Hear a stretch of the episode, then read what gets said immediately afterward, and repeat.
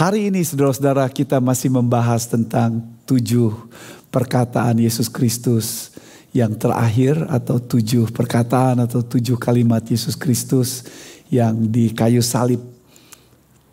Perkataan yang sangat penting yang kita perlu uh, renungkan, pelajari dan ingat ketika pertama Yesus menyatakan bahwa ketika melihat orang banyak yang menyalibkan dia, dia berkata di kayu salib itu, ya, Bapak, Bapak ampunilah mereka sebab mereka tidak tahu apa yang mereka lakukan.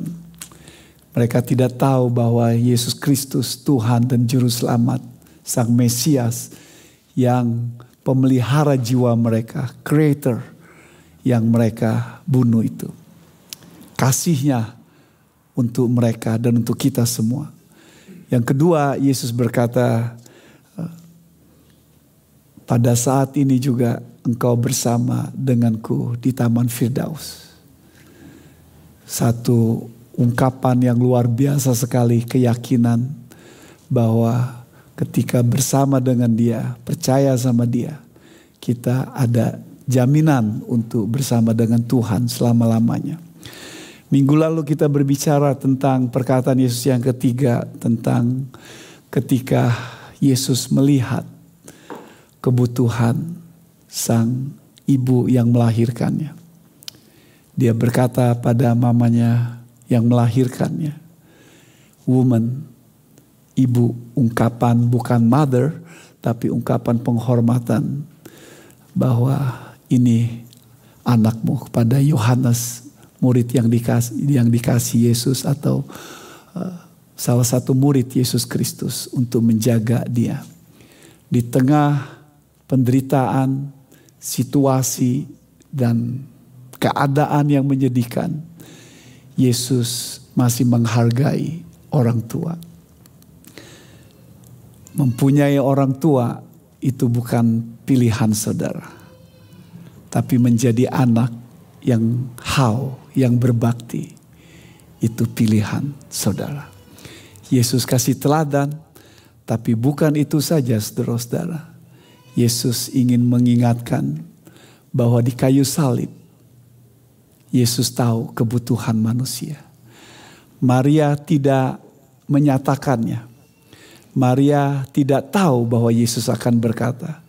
Tapi Yesus melihat dan ketika dia melihat, dia memperhatikan ada kebutuhan. Dan sama sampai sekarang. Yesus melihat, memperhatikan. Di kayu salib dia mau berkata, I care for you. Peduli sama kamu.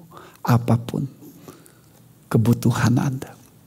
Saudara-saudara ini yang keempat kita akan bahas saudara-saudara hari ini satu perkataan Yesus Kristus. Dia berkata, Allahku, Allahku, mengapa engkau meninggalkan aku?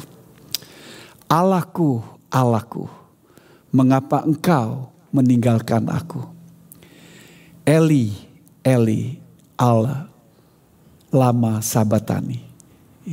Allahku, Allahku, mengapa engkau meninggalkan aku? Eli, Eli, lama sabatani. Ungkapan dalam bahasa Aram yang pada waktu itu biasa diucapkan oleh orang-orang Yahudi. Ungkapan untuk menunjukkan kepada sang Bapa. Allah, Allahku, mengapa engkau meninggalkan aku? Saudara-saudara sebelum saya bahas ungkapan yang begitu luar biasa ini. Saudara bertanya-tanya mengapa Yesus menyatakan seperti ini? Apa maksudnya? Apa artinya?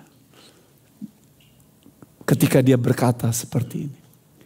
Saudara-saudara, sepintas lalu kita bisa merasakan ketika kita ditinggal itu menyedihkan.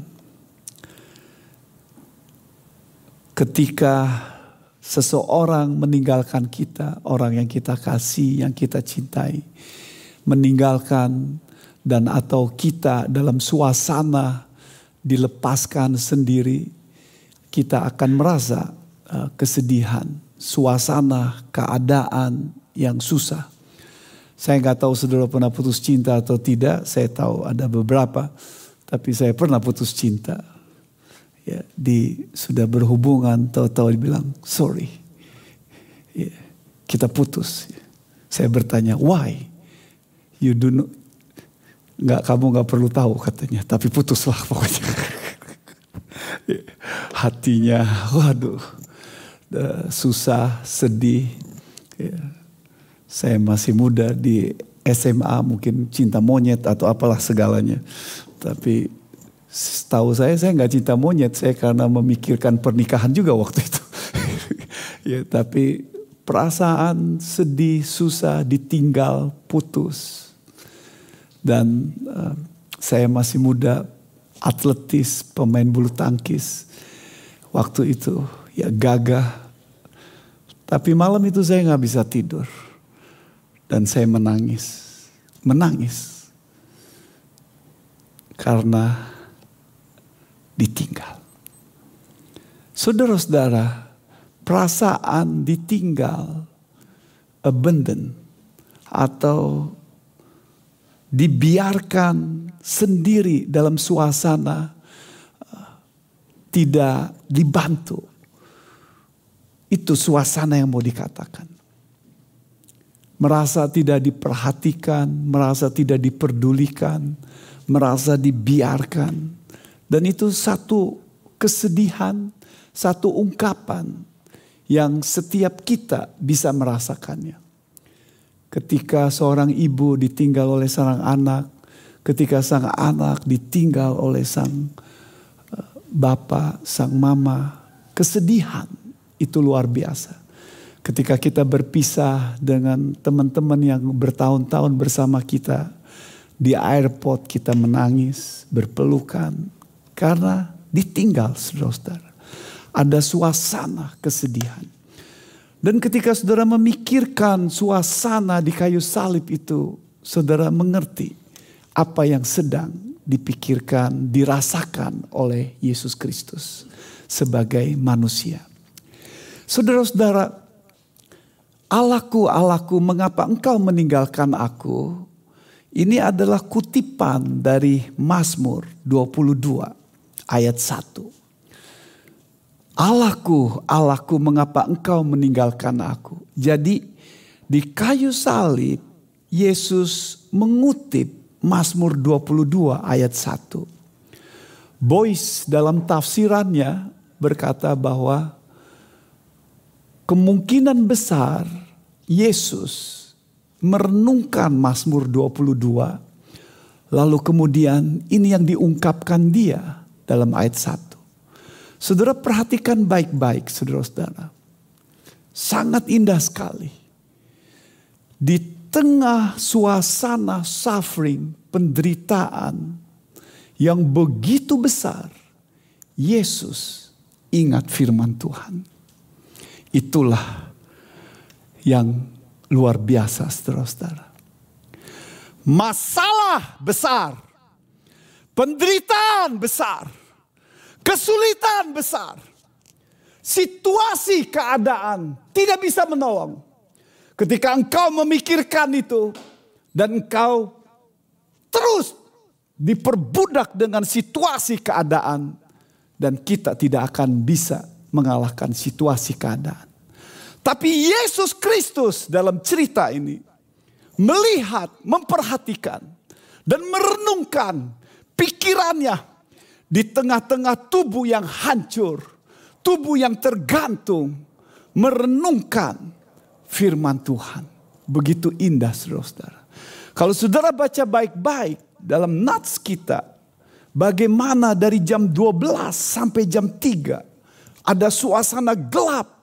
Jadi Yesus dalam ketergantungan di kayu salib sekitar tiga jam. Sesudah dia berkata yang pertama, kedua, ketiga. Setidak-tidaknya ada waktu untuk merenungkan. Ada option yang terjadi. Dia nggak self-pity. Dia tidak mengeluh. Tapi itu Mazmur 22 direnungkan. Saudara-saudara, Mazmur 22 itu adalah dibuat oleh Daud. Daud yang kemungkinan besar ketika dia memikirkan hidupnya, memikirkan keadaannya yang selalu banyak krisis. Umur sekitar 16 atau 17 ditabiskan jadi raja. Layak dia jadi raja.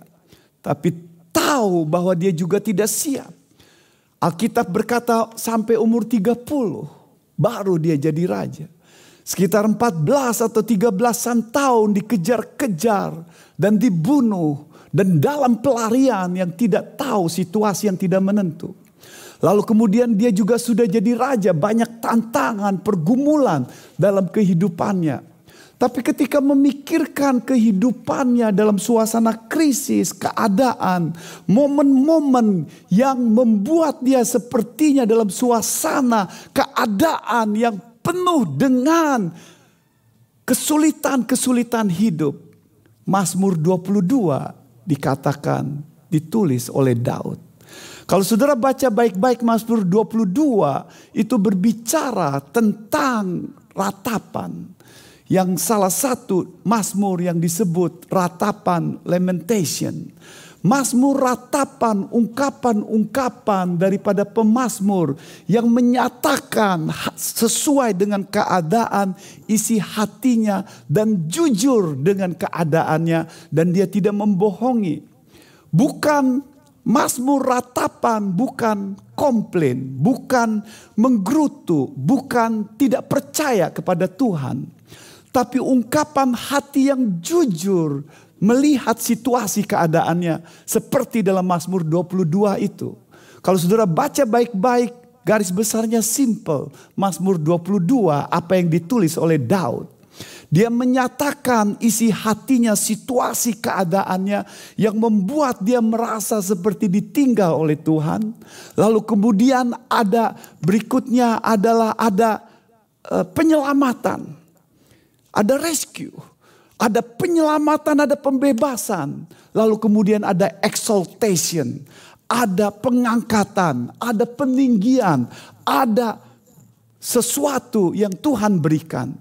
Jadi simple sekali berbicara soal tentang abundant, tentang forsaking, merasa ditinggal, lalu kemudian ada rescue, lalu kemudian ada exaltation. Itu yang terjadi pada Daud satu ungkapan hati yang menyatakan apa adanya.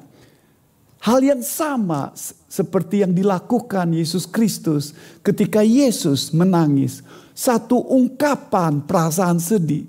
Hal yang sama ketika dilakukan oleh Yesus dalam Lukas 22 ayat 42 dan 44 ketika dia bergumul dalam doa, bagaimana keringatnya, tetesan keringatnya itu seperti menjadi darah, pergumulan berat hatinya, saudara-saudara, untuk menunjukkan pergumulan. Jadi ini ungkapan Allahku, Allahku, mengapa engkau meninggalkan aku? Satu ungkapan yang Daud ungkapkan dan Yesus mengungkapkannya dalam suasana situasi suffering seperti itu. Dan Daud Mazmur 22 itu adalah Mazmur tentang Yesa, Mesias, nubuatan di masa akan datang. Itu terjadi pada Daud benar, tapi juga berhubungan tentang bisa diterapkan untuk Yesus Kristus. Dan kalau saudara baca di rumah baik-baik, saudara akan lihat ada banyak yang dinubuatkan dari Mazmur 22 itu berhubungan dengan Tuhan kita, Yesus Kristus. Nah saudara-saudara, Mazmur 22 ini ungkapan untuk menunjukkan bahwa Daud mengenal Tuhan. Daud dekat sama Tuhan. Ini bukan orang yang tidak tahu Tuhan. Ini bukan orang yang tidak tahu kemahakuasaan Tuhan. Ini bukan orang yang tidak tahu siapa Tuhannya. Tentang kasih dan kepeduliannya dia tahu. Jadi ketika bilang Allahku itu punya hubungan secara pribadi yang tahu saudara-saudara. Dan ini diungkapkan ketika sama seperti Daud mengenal Allahnya. Demikian juga dengan Yesus Kristus. Ada relasi, hubungan yang intim, yang dekat sekali. Ini perkataan ini bukan orang yang tidak tahu tentang Tuhan tapi tahu. Jadi ketika saudara membaca, merenungkan konteks ini, kiranya ketika penjelasan saya tadi membuat saudara makin mengerti. Ini satu ungkapan, ungkapan hati yang diberikan oleh Yesus Kristus karena perenungan dari Mazmur 22 di tengah situasi yang sedemikian suffering penderitaan tapi juga berhubungan tentang nubuatan yang akan diterapkan oleh Tuhan kita Yesus Kristus. Seseorang berkata demikian, seorang berkata, "This is a cry of distress, not a cry of distrust." Ini adalah satu teriakan, satu tangisan dalam suasana yang penuh dengan suffering. Tetapi bukan tangisan, ungkapan ketidakpercayaan. Indah sekali ungkapan itu saudara-saudara. Saudara-saudara, pertanyaannya sekarang bagi kita adalah Eli, Eli lama sabatani. My God, my God, mengapa engkau meninggalkan aku? Kira-kira apa maksudnya? Apa artinya? Mengapa Yesus ungkapkan seperti ini? Coba buka firman Tuhan. Markus 15 ayat 33 34 berkata demikian. Pada jam 12 kegelapan meliputi seluruh daerah itu dan berlangsung sampai jam 3. Dan pada jam tiga berserulah Yesus dengan suara nyaring. Eloi, Eloi, lama sabatani. Yang berarti Allahku, Allahku, mengapa engkau meninggalkan aku. Saudara-saudara, coba kita perhatikan nats ini. Setidak-tidaknya dalam nats kita ayat 33 tadi sudah tiga jam Yesus digantung. Dan kita tahu dari nats yang lain mulai dari jam 9 itu berarti sekitar 6 jam Yesus disalibkan. Dan jam 3 itu detik-detik Yesus mau meninggal dunia. Karena Markus dan Matius yang menulis Kemudian dalam ayat berikutnya tak lama kemudian Yesus meninggal. Akan tetapi dalam Injil yang Yohanes dan beberapa Injil yang lain kita tahu tentang masih ada dua, uh, masih ada tiga perkataan Yesus sesudah ini. Aku haus, sudah genap. Lalu dia berkata, ya Bapa, aku serahkan nyawaku pada engkau.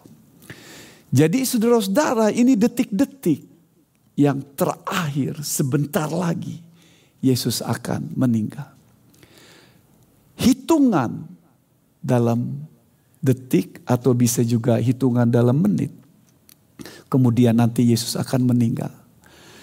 Jadi coba perhatikan baik-baik ungkapan ini saudara-saudara. Mengapa Yesus mengatakan seperti ini? Apa maksudnya? Yang pertama, saudara-saudara, yang pertama ungkapan ini bukan berarti Yesus bergumul hanya penderitaan secara mental dan fisik. Ungkapan ini bukan berarti pergumulan Yesus Kristus hanyalah berhubungan penderitaan secara mental dan fisik. Yesus dikianati, ditinggalkan para murid, diadili, dihakim, dihakimi, dipermainkan, dibully, digosipkan, dipermalukan di depan para tokoh agama, para pemimpin pemerintah, di depan banyak orang. secara mental. Yesus juga penuh penderitaan. Secara fisik, Yesus juga penuh penderitaan. Dia diludahi, diberi mahkota berduri. Dia harus memikul salib. Tangan dan kakinya dipantek. Dia ditelanjangi dan dia digantung sekitar enam jam. Mental dan fisik penuh dengan penderitaan. Tapi itu bukan yang digumuli oleh Yesus Kristus dengan perkataan ini. Itu bukan yang didoakan Yesus Kristus dalam Lukas 22 ayat 42 ketika dia berdoa. Tuhan kalau engkau mau, Bapak kalau engkau mau, cawan ini bisa lepas. Tapi bukan kehendakku, tapi kehendakmu. Jadi pergumulannya bukanlah pergumulan ketika penderitaan mental dan penderitaan fisik. Memang betul itu terjadi. Memang betul salib penuh dengan penderitaan. Tidak ada yang menderita seperti itu. Kalau saudara menderita, lihat pada Yesus Alkitab berkata. Karena tidak ada yang menderita seperti Yesus Kristus. Dan kita mungkin tidak pernah seumur hidup kita. Tidak ada bandingnya. Lihat pada Yesus penulis-penulis Alkitab sebagai model, teladan, contoh. Tetapi nats kita tidak sedang berbicara tentang topik ini saudara-saudara. Yesus memang bergumul tetapi dia tidak bergumul ketika dia berkata Allahku, Allahku mengapa engkau meninggalkanku. Sepertinya Allah membiarkan Yesus disalibkan. Yesus dibiarkan menderita mental dan fisik dibiarkan seperti itu, itu bukan yang menjadi pergumulan Yesus. Itu bukan yang menjadi doa Yesus Kristus. Supaya cawan yaitu salib itu dilewatkan. Penderitaan itu dilewat. Bukan itu maksudnya. Kalau begitu apa maksudnya saudara-saudara? Ketika dia berkata demikian. Yang kedua yang benar seperti ini saudara-saudara. Ketika Yesus berkata, Allahku, Allahku, mengapa engkau meninggalkan aku? Yesus mengetahui bahwa Allah menyatakan murkanya terhadap dosa padanya.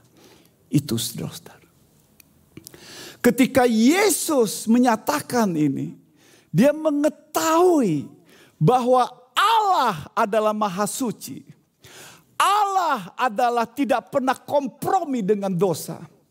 Allah tidak pernah masa bodoh dengan dosa. Allah tidak ada pernah bisa bersekutu dengan dosa. Tetapi Yesus mengerti ini saatnya cawan yang harus dia minum.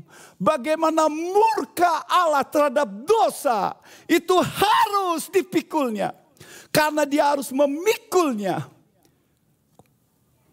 Kemahasucian Tuhan tidak bisa bersentuhan dengan dosa. Yesus yang adalah manusia sejati. Tapi juga Allah yang sejati. Dia ada hakikat sebagai Tuhan. Sebagai hakikat Tuhan, tidak bisa bersekutu dengan dosa, tidak bisa bersentuhan dengan dosa dan dia hakikatnya dengan sang Bapa itu satu adanya. Sang Allah Bapa, sang Allah Anak, sang Allah Roh Kudus itu satu kesatuan. Yesus Kristus mengambil jubah manusia, dilahirkan sebagai manusia. Tetapi juga Alkitab berkata, Yesus Kristus hakikatnya adalah Tuhan. Filipi 2 ayat 6 berkata dia adalah sehakikat dengan Allah. Mengambil jubah manusia. Jadi dengan kata lain ketika berbicara tentang murka Allah. Ini saatnya Yesus tahu cawan yang harus dia minum. Di mana murka Allah dosa karena manusia. Karena akibat dosa. Dan Yesus harus memikulnya. Dan dia berkata Tuhan kalau bisa. Kalau engkau mau cari jalan lain. Kalau tidak kehendakmu jadilah. Dan Yesus tahu tidak ada cara lain bagi Allah untuk murka itu diberikan. Domba, darah anak domba tidak bisa. Harus ada darah yang dicurahkan. Dan Alkitab berkata, Yesus harus memikulnya. Murka itu. Saudara-saudara, Roma 1 ayat 18 firman Tuhan berkata bahwa sebab murka Allah nyata dari sorga atas segala kefasikan dan kelaliman manusia yang menindas kebenaran dengan kelaliman. Istilah murka Allah menunjukkan bahwa Allah sejak manusia jatuh dalam dosa Adam, dia tidak pernah kompromi. Ada akibatnya untuk menunjukkan penghakiman Tuhan terhadap dosa manusia. Pakai istilah murka Allah. Sejak kejatuhan, Alkitab berbicara tentang murka ini diberikan, jatuh pada manusia dibiarkan. Kalau saudara baca Roma 1 ayat 18 sampai 32, bagaimana penghakiman Tuhan atas dosa manusia Akibatnya bagaimana manusia itu jatuh dalam dosa dan mengakibatkan dosa yang sedemikian rupa menguasai manusia. Kalau saudara baca baik-baik Roma 18 ayat 32, saudara akan dapatkan bagaimana manusia itu rusak akibat dosa manusia. Manusia pengen menjadi Tuhan. Manusia menjadi center. Manusia ingin menjadi creator manusia ingin menjadi membuat Allahnya sendiri dengan menyembah berhala. Creator diubah oleh manusia. Dan dia dari creation menjadi creator. Dosa manusia itu dibiarkan oleh Tuhan sebagai penghakiman hawa nafsu satu sama yang lain. Wanita-wanita laki-laki memuaskan hawa nafsu seks dengan berhubungan seks yang kita sebut lesbian dan homoseks untuk menunjukkan dosa yang merusak manusia.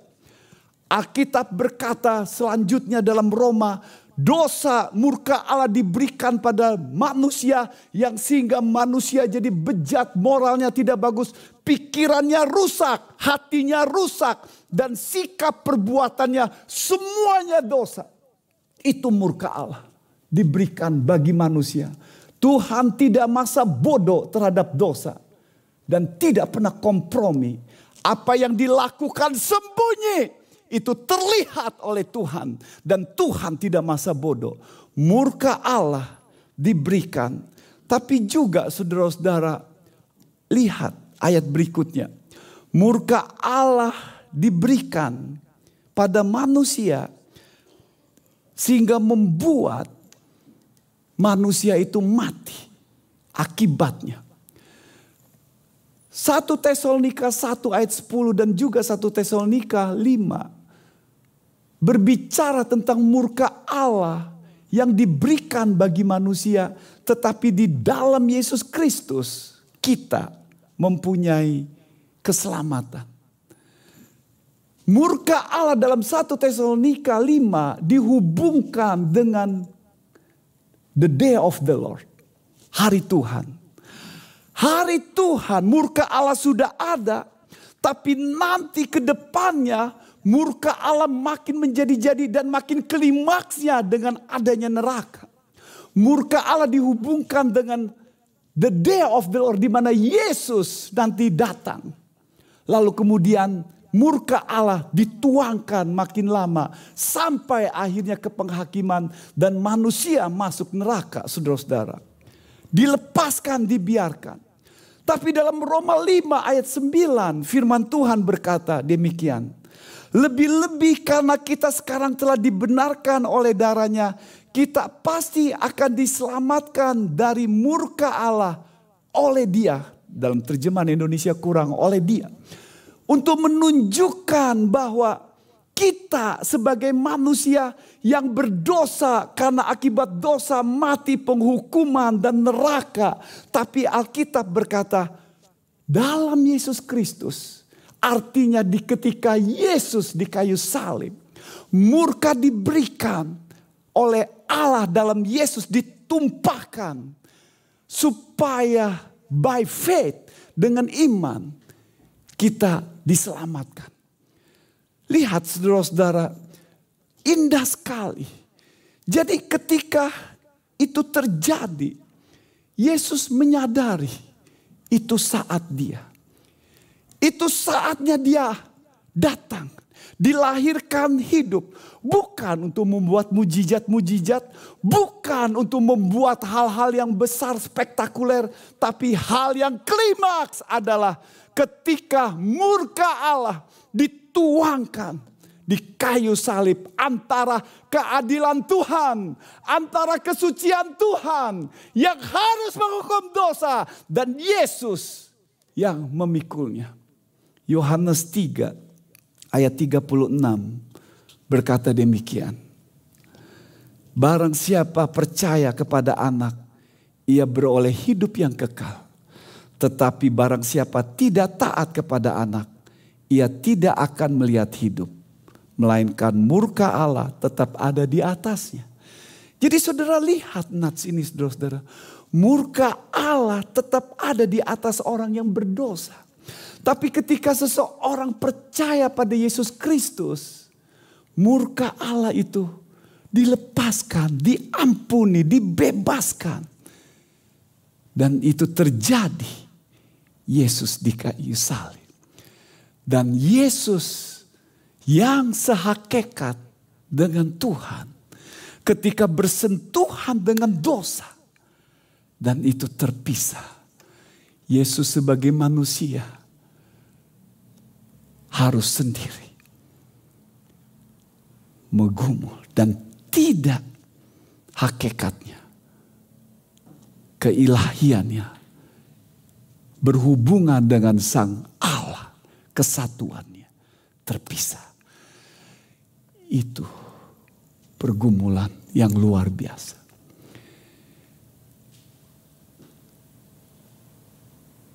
Alkitab berkata, "Aku dan Bapa, aku satu adanya." Tapi di kayu salib terpisah, ditinggalkan karena dosa saudara dan saya. Saudara-saudara Alkitab berkata, begitu indah. Allahku, Allahku mengapa engkau meninggalkan aku? Bukan berarti bahwa Yesus bergumul hanya menderita soal fisik dan mental saja. Tapi yang kedua yang benar adalah bahwa Yesus menyadari bahwa murka Allah ditumpahkan padanya di kayu salib itu. Sehingga ketika bersentuhan dengan dosa ada perpisahan. Yang ketiga, ini menunjukkan bahwa Yesus memikul dosa kita, saudara-saudara. Ungkapan ini mau menunjukkan itu saatnya. Dosa manusia ditumpahkan kepada Yesus Kristus. Dan Yesus menjadi penyelamat dosa manusia. Firman Tuhan berkata demikian untuk menunjukkan kasih Allah kepada kita. Di kayu salib itu Allahku, Allahku mengapa engkau meninggalkan aku menunjukkan keadilan Tuhan, kesucian Tuhan. Tapi juga ada kasih Allah, the provision, ada pemeliharaan Tuhan, ada keselamatan yang Tuhan berikan bagi manusia. Yesus memikul dosa kita. 1 Yohanes 2 ayat 2 firman Tuhan berkata demikian.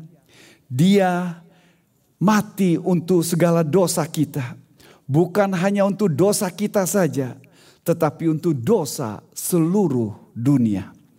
1 Yohanes 4 ayat 14 firman Tuhan berkata, ini kita sudah melihat kesaksian dan bersaksi bahwa Bapa telah mengutus anaknya menjadi juru selamat dunia. 1 Timotius 2 ayat 5 dan 6 firman Tuhan berkata, karena Allah itu Esa dan Esa pula dia yang menjadi pengantara antara Allah dan manusia, yaitu manusia Kristus Yesus yang telah menyerahkan dirinya sebagai tebusan bagi semua manusia. Itulah kesaksian pada waktu yang ditentukan. 2 Korintus 5 ayat 21 nggak ada di PowerPoint saudara. Yesus yang benar dijadikan tidak benar ganti bagi kita. Yesus bukan saja dia memikul, tapi dia yang benar, yang suci, dijadikan dosa mengganti kita yang berdosa di kayu salib itu. Dia yang tidak mengenal dosa telah dibuatnya menjadi dosa karena kita, supaya dalam dia kita dibenarkan oleh Allah. Yohanes 1 ayat 29. Pada keesokan harinya Yohanes melihat Yesus datang kepadanya dan ia berkata, "Lihatlah anak domba Allah yang menghapus dosa dunia." Saudara-saudara, hal yang begitu indah adalah ketika Yesus di kayu salib, dia tahu bahwa ini adalah untuk menunjukkan keadilan Allah, kesucian Allah di mana dia terpisah dengan Allahnya. Akan tetapi Yesus juga mengerti itu saatnya dia menjadi korban untuk seluruh dosa manusia. Dia memberikan sama seperti manusia yang satu karena Adam Roma pasal 5 berkata sudah jatuh dalam dosa. Semua sudah jatuh dalam dosa. Demikian juga karena satu orang kita bisa dibenarkan. Yaitu melalui Yesus Kristus. Yohanes 3 ayat 16 berkata. Karena sedemikian besar Allah mengasihi si dunia itu. Sehingga ia memberikan anaknya yang tunggal. Yang mati di kayu salib untuk kita. Supaya setiap orang yang percaya kepadanya bisa hidup yang kekal, tidak binasa. The provision, keselamatan diberikan untuk semua orang. Tetapi benefitnya only hanya orang yang percaya kepadanya. Ketika Yesus tergantung di kayu salib, dia memberikan keselamatan untuk semua orang.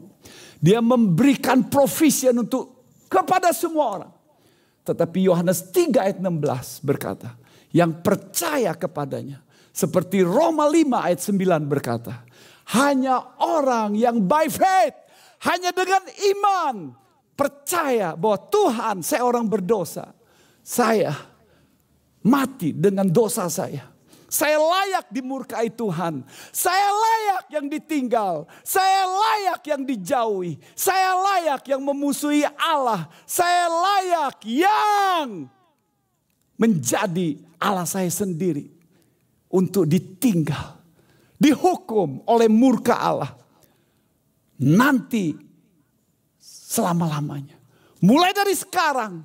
Tapi Yesus sudah mati di kayu salib.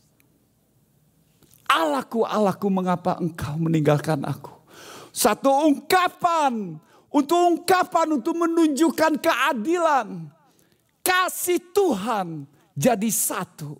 Bahwa dia memelihara, mengerti pergumulan manusia. Kalau minggu lalu berbicara tentang pemeliharaan Tuhan.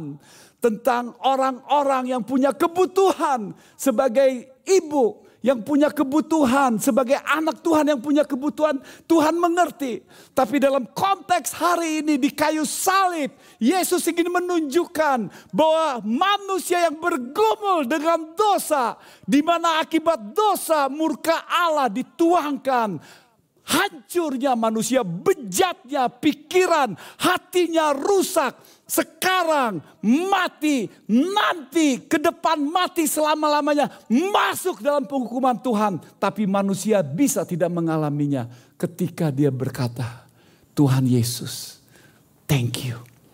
Engkau ditinggal Bapa supaya aku bisa disambut oleh Bapa. Mari kita berdoa bersama-sama.